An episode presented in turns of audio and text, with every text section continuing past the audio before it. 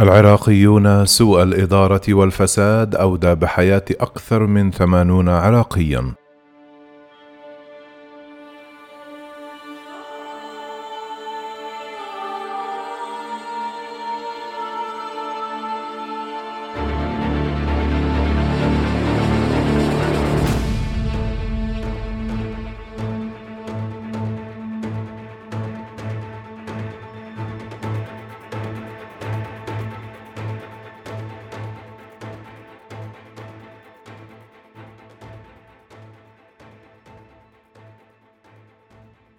اعتبر العراقيون مقتل أكثر من ثمانون شخصا في حريق بمستشفى في بغداد بسبب فيروس كوفيد 19 دليلا إضافيا على العواقب المميتة لسوء الإدارة والفساد.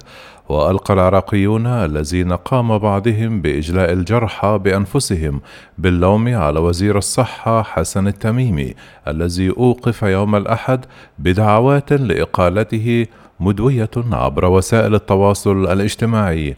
اندلع الجحيم المميت ليلة الأحد في مستشفى ابن الخطيب ببغداد وألقي باللوم على اسطوانات الأكسجين المخزنة بشكل سيء. وقالت وزارة الداخلية أن 82 شخصا قتلوا وأصيب 110 أشخاص. وقال مسؤول في مفوضية حقوق الإنسان العراقية أن 28 من القتلى كانوا مرضى تم خلعهم من أجهزة التنفس الصناعي للهروب من النيران. كان الإجلاء بطيئا ومؤلما وفوضويا حيث حشر المرضى وأقاربهم في سلالم بينما كانوا يهرولون بحثا عن مخارج. وغرد الرئيس برهم صالح يوم الأحد مأساة ابن الخطيب هي نتيجة سنوات من تآكل مؤسسات الدولة بفعل الفساد وسوء الإدارة. وقال طبيب في المستشفى أنه في وحدة العناية المركزة بكوفيد 19 لم تكن هناك مخارج للطوارئ أو أنظمة للوقاية من الحرائق. وقال شهود وأطباء لوكالة فرانس بريس أن العديد من الجثث لم يتم التعرف عليها بعد وأن البقايا متفحمة للغاية بسبب النيران الشديدة وأثيرت هذه القضايا في تقرير في عام 2017 حول قطاع الصحة العراقي. وتم استخراج الجثث بين عشية وضحاها في أعقاب حريق لجنة حقوق الإنسان في البلاد. حيث أضاف الطبيب الذي طلب عدم الكشف عن هويته أن سوء الإدارة هو الذي قتل هؤلاء الناس وأورد بغضب أوجه القصور العديدة في المستشفى. قال المدراء يتجولون وهم يدخنون في المستشفى حيث يتم تخزين اسطوانات الأكسجين. حتى في العناية المركزة هناك دائما اثنان أو ثلاثة من الأقارب بجانب سرير المريض وأضاف هذا لا يحدث فقط في ابن الخطيب بل يحدث في جميع المستشفيات العامة العراقية. قالت ممرضة في مستشفى آخر في بغداد عندما تتعطل المعدات يخبرنا مديرنا بعدم الإبلاغ عن ذلك. يقول أن ذلك سيعطي صورة سيئة عن مؤسسته لكن في الواقع ليس لدينا شيء أن يعمل. هذه المؤسسات التي كانت حتى الثمانينيات مصدر فخر للعراق والمعروفة في جميع أنحاء العالم العربي بخدماتها الصحية العامة المجانية عالية الجودة. ينظر إليها الآن على أنها مصدر إحراج من قبل الكثيرين.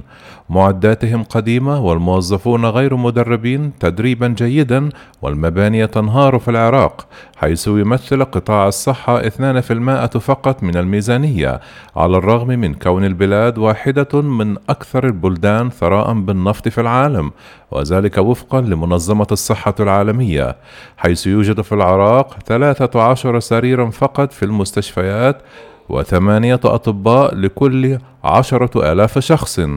قبل أربعين عاما كان هناك تسعة عشر سريرا للفرد الواحد.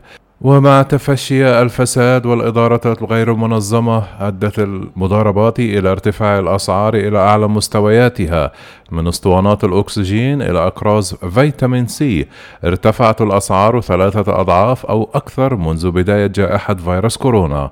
لطالما اختار العديد من العراقيين السفر إلى الخارج لإجراء العمليات والعلاج خاصة إلى إيران وسوريا المجاورتين حيث أدى تخفيض قيمة العملة في السنوات الأخيرة إلى زيادة قوتهم الشرائية. وبالنسبة للعراقيين الذين احتج الآلاف منهم لأشهر بدءا من أكتوبر عام 2019 ضد الفساد المستشري فإن انهيار الخدمات العامة هو نتيجة مباشرة لسنوات من المحسوبية والحفاظ على الذات السياسية. وتساءل العراقيون يوم الأحد عما إذا كان وزير الصحة الموقوف سيقال لأنه مدعوم من الزعيم الشيعي مقتدى الصدر. قال مستخدمو وسائل التواصل الاجتماعي الغاضبون أنه تم بالفعل تعليق المسؤولين المحللين والمستشفيات عن العمل بسبب الحريق ويتم استجوابهم لكنهم مجرد كبش فداء. في مواجهة الوضع الراهن المتصلب والقادة الذين يعتبرونهم فاسدين وغير أكفاء لطالما دافع العراقيون عن أنفسهم ومع اندلاع الحريق يوم الأحد كان الشباب العراقي عاري الصدر بقمصانهم كأقنعة للوجه ضد الدخان اللاذع وهم من سحبوا الجرحى من المبنى المحترق وحملوا سيارات الإسعاف وساعدوا الناجين على الفرار.